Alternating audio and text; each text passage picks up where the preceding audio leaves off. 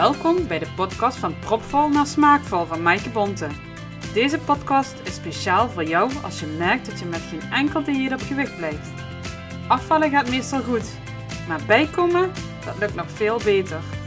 Ik neem je mee met mijn eigen ervaring in de eeuwige strijd tegen die verdomde kilo's en emotie eten. Hierbij deel ik wekelijkse inspiratie om te ontdekken wat jouw werkelijke behoefte achter dat eten is. Luister je mee?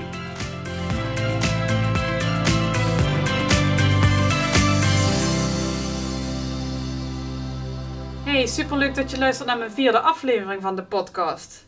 In de vorige aflevering, in het interview met Judith, hadden we het al kort over verleidingseten. Een wijntje erbij, een all-inclusive vakantie, krakende chipsgeluiden, mega ijshoorntjes bij de frietkraam of een ijssalon. Pak je toch wat nootjes. Doe eens lekker mee. Dat zijn vaak reacties die je krijgt op een verjaardag of een feestje. In deze aflevering ga ik dieper in op deze verleidingen. En het verlengde ervan ligt vaak ook gewoon te eten. Want er hoort toch een pilsje bij als je gesport hebt? Lekker in de kantine, een pilsje met een chipje. Dat hoort erbij, niet waar? Ik neem deze aflevering op meteen na mijn eigen zomervakantie. En of ik weer verleid ben tijdens mijn vakantie. En het was niet eens een all-inclusive vakantie. Ik beschrijf je even mijn vakantie in verleidingen. Mijn voorbereiding was eigenlijk wel super. Ik had van tevoren brood, cakejes en chocoladekoekjes voor mezelf gebakken. En ook had ik wortels en geen snoep voor onderweg. Hoewel die voorbereiding super was, ging het met de tijdsplanning een beetje mis. De lunch was een beetje later en die gebeurde dus in de auto om half drie pas. Met de restjes uit de koelkast. Voor mij betekende dat twee wraps met hummus, kipfilet en sla. Dus dat ging nog best redelijk. Maar eigenlijk had ik veel te veel honger al, want het was natuurlijk alweer half drie. Dus daarom toch nog maar een broodje met pasta van de jongens. We hadden al gepland om halverwege na een uur even te stoppen. We zagen de grote M al van een grote afstand. We wilden voor, voor de Duitse grens stoppen in verband met corona. En die borden van de Mac, die kwamen maar steeds dichterbij. En de Duitse grens kwam ook steeds dichterbij. Dus het werd toch de McDonald's. We stapten daar binnen en het ene ziet er natuurlijk nog verleidelijker uit dan het andere. En een eh, heel vrolijke serveerder die ook nog eens heel vriendelijk vraagt: Wat mag het zijn? En als ze dan ook nog een nieuwe smaak McFlurry hebben, ja, dan ben ik ook wel helemaal verkocht. Hup, weg met die wortelen. En dan komen we aan op de camping. Ik zal even samenvatten wat voor verleidingen dat daar naar voren kwamen. Ik zal beginnen met de verleidingen bij het avondeten. Eten. Een broodje knak, een frietwagen op de camping, uit eten, spaghetti, pannenkoek en pizza. Nou, volgens mij ontbreekt er alleen nog de Chinees en de sushi. De rest van de ongezonde snelle happen zit er wel bij, geloof ik. Dat waren even de avondmaaltijden. En dan had je natuurlijk nog het pilsje, het chipje, de M&M's, de nootjes, snoepjes, koekjes, negerzoenen en niet te vergeten het overheerlijke ijs van de ijsboerderij in de diepvries van de camping. Dus altijd voorhanden. En daar zit natuurlijk ook nog een gunfactor. Eigen producten wil ik eigenlijk altijd aanmoedigen. Onderweg met de fiets de schreeuwende borden koffie met fly, plaatjes van wafels, de levensgrote ijshoorn waarbij mijn zoontje zal op een kilometer afstand zeggen: ijs, ijs, ijs. Allemaal en overal is eten om je heen. Ik ben dus heel wat verleid geworden. Soms ging ik er bewust in mee, soms onbewust, soms bewust niet, of onbewust niet in mee. Ik zal even uitleggen wat ik daarmee bedoel, want dat is een mond vol natuurlijk. Wanneer een verleiding zich voordoet, kun je kiezen voor meedoen, niet meedoen of iets aanpassen. Ik zelf kijk altijd: vind ik dit echt lekker? Vind ik het dus waard om het te nemen? Dat was bijvoorbeeld met het ijs van de ijsboerderij. Dat vond ik het echt waard. In eerste instantie zat er ook een nieuwsgierigheid en een gunfactor op, omdat het een eigen product was. Maar toen ik één hapje had gehad, dacht ik meteen: ja, dit is het wel waard. Het was echt lekker ijs. Dat is dus bewust meegaan. Niet meedoen betekent het is het me niet waard. Ik laat het me staan of ik pak iets anders, iets gezonds. dus bewust niet meegaan. Het aanpassen kan zijn dat je bijvoorbeeld het broodje weglaat bij een salade of bij een broodje hamburger. Of zoals ik deed op de laatste frietdag. Er was weer die frietwagen op de camping. En ik koos toen voor de restjes groente en vlees van de vorige dag. En daarna nam ik nog één snack van de frietkraam. Dus geen frieten. Ook zorgde ik ervoor uh, met die eigen baksels uh, van die eerste dagen voor lekkere tussendoortjes. En dat is dus aanpassen. Dus op een gezonde manier het aanpassen en zodat het evengoed wel nog heel erg lekker is. Het kan echter ook zo zijn dat je onbewust verleid wordt. Luister hier maar eens naar.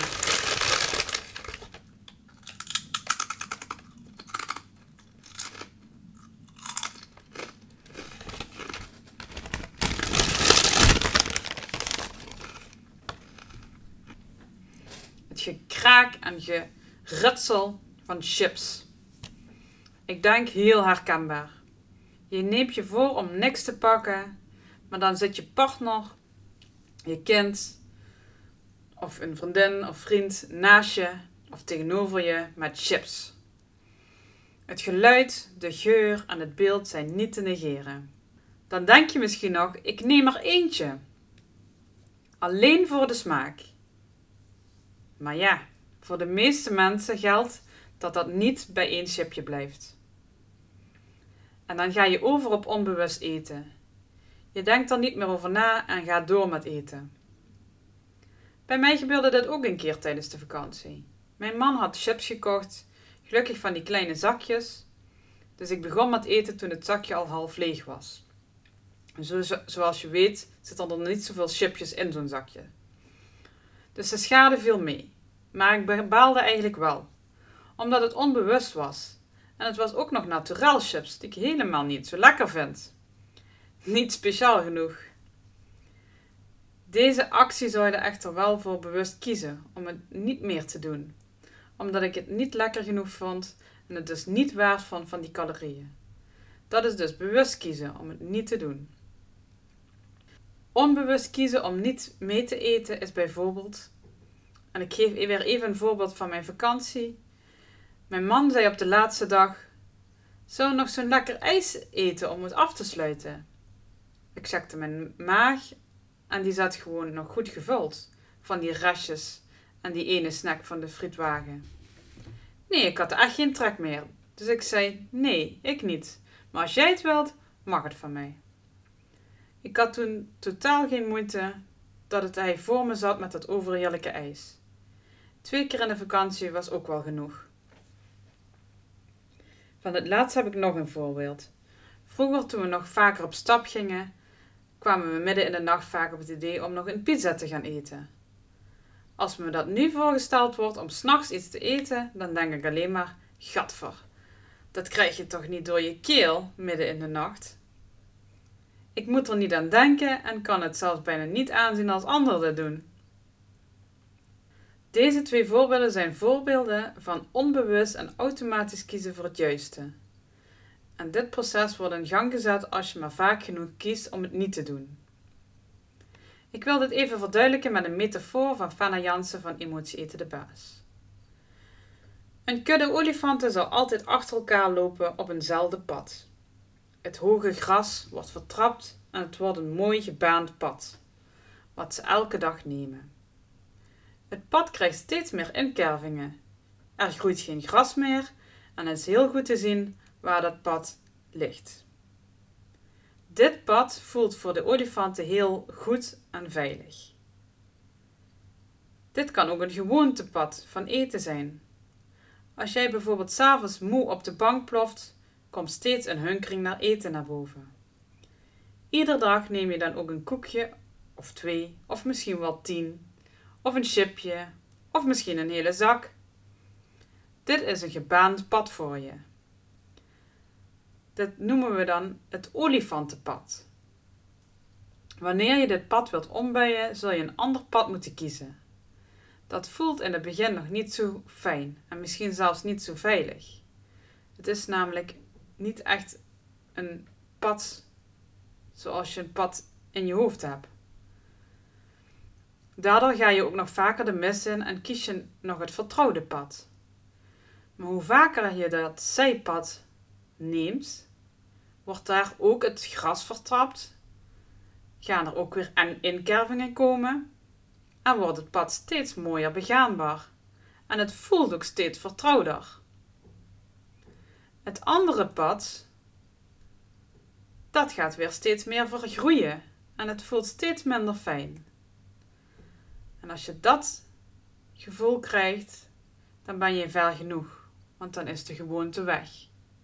Dus als de gezonde tak vertrouwd en veilig voelt en ingekerfd is, dan is de gewoonte weg. Wanneer is iets eigenlijk een gewoonte? Een gewoonte is een terugkerend patroon. Het ombuigen kan door het zelf echt te willen en dan dus te kiezen voor een ander zijpad. Iedereen heeft eetgewoontes en dat is geen enkel probleem. Als jij jezelf iedere dag één blokje chocola wilt toestaan of iedere zaterdagavond een wijntje en het heeft geen effect op je gezondheid of gewicht, dan is dit geen probleem. Pas als je er zelf iets aan wilt veranderen, is dit van belang. En dan met de nadruk op willen. Want waar een wil is, is een zijpad. Wil je het niet echt, dan zul je het vertrouwde pad steeds kiezen en zul je jezelf moeten afvragen waarom je het niet wilt veranderen. Boeit het overgewichtje misschien toch te weinig? Is het chipje te veel waard? Eet je misschien uit vermoeidheid of stress? Of uit emotie? Wat zit daaronder? Als je dat weet, kun je het of gaan accepteren of daar iets aan doen om het alsnog te veranderen. Wil je het olifantenpad nog eens uitgelegd met beeld? Kijk dan op YouTube en zoek op olifantenpad emotie eten de baas. Wat kun je nu doen aan verleidingseten en gewoonte eten? Dit kan ook met het 7 stappen model van emotie eten de baas. Dan ga je eerst uitzoeken in welke situatie je het meeste gaat eten. Hoe dat komt en uiteindelijk dus wat je zelf gaat kiezen. En misschien denk je dan nu, moet ik dat onderzoek allemaal gaan doen? Kun je me niet vertellen wat ik moet doen? Dat zou natuurlijk het makkelijkste zijn. Ik zou het heel graag willen voor je. Alleen als ik bijvoorbeeld tegen je zeg: je mag s'avonds niks meer eten, zou dit dan haalbaar voor je voelen? Of als ik zeg: je moet drie keer per week in de sportschool gaan staan terwijl je daar een bloedekel aan hebt, zou dat voor jou werken? Misschien begin je naar mijn advies dan met vol goede moed, maar dat hou je waarschijnlijk niet langer dan een week vol. En niet omdat je zwak bent of geen uithoudingsvermogen hebt, omdat het niet vanuit jezelf komt. De intrinsieke motivatie noemen we dat. Dus de motivatie vanuit jezelf. En die intrinsieke motivatie moet hoog zijn om het doel te kunnen behalen. En daarbij is het ook nog belangrijk om een realistisch doel te stellen. Ineens van dagelijks snoepen naar niet meer snoepen voelt dan misschien als een hele stap. Misschien zit er een haalbaardere stap tussen. Maar ook dit is voor iedereen anders. Net als met roken werkt het voor sommigen het best om op de ene op de andere dag te stoppen en voor een ander om het af te bouwen. Daarom is er geen pasklaar antwoord en het is belangrijk om eerst inzicht te krijgen in je eigen eetgedrag en te onderzoeken wat jij, jij wilt en wat bij jouw unieke jij past. Plus, wat ook een hele belangrijke is, is planning. En dan denk je misschien planning.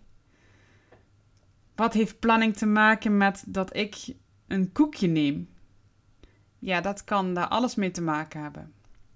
Want zoals ik in het begin vertelde over mijn eigen vakantie, dat de lunch pas om half drie was in de auto.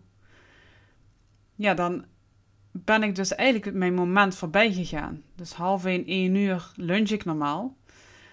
En dat was nu half drie.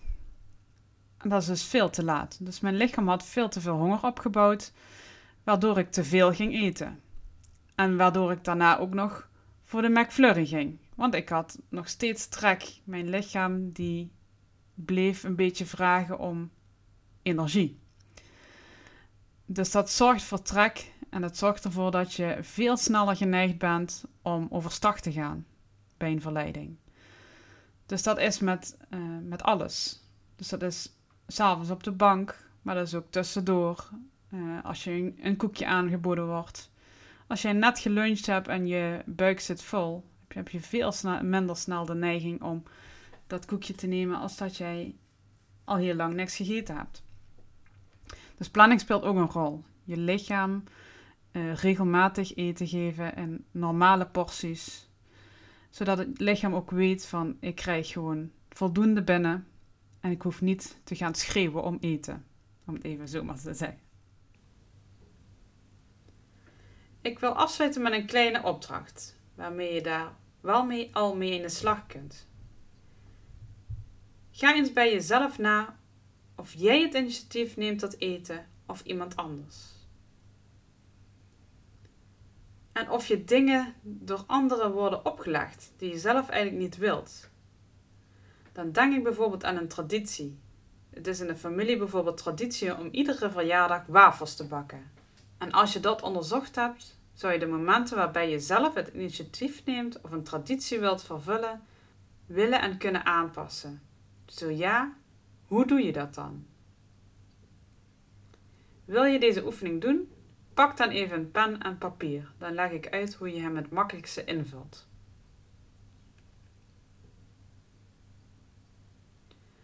Maak nu vier kolommen. Zet in de eerste kolom situatie tot te veel eten. Dus in de eerste kolom situatie tot te veel eten. In de tweede kolom met wie?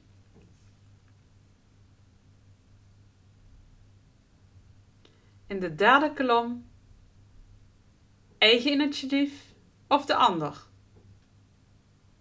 Dus in de derde kolom eigen initiatief of de ander. Vierde kolom is er een alternatief. En met alternatief bedoel ik dus zou je het kunnen aanpassen zodat jij niet het initiatief neemt? Of dat je die traditie kunt ombuigen? Of misschien kun je de activiteit veranderen, dat jullie niet gaan uiteten, maar gaan wandelen of gaan fietsen. Het zijn even wat voorbeelden. Heb je dit allemaal opgeschreven? dan heb je al meer inzicht en wellicht kun je het alternatief al gaan uitproberen door er een haalbaar doel van te maken. Heb je behoefte om de opdracht even te bespreken? Dat kan in een gratis ontknoopgesprek, waarin ik samen met jou je eetgedrag uit de knoop haal en er meer inzicht in wil laten krijgen om het vervolgens te gaan ombuigen. Verleidingen van eten zijn overal om ons heen. Als we het niet zien, ruiken of horen we het wel.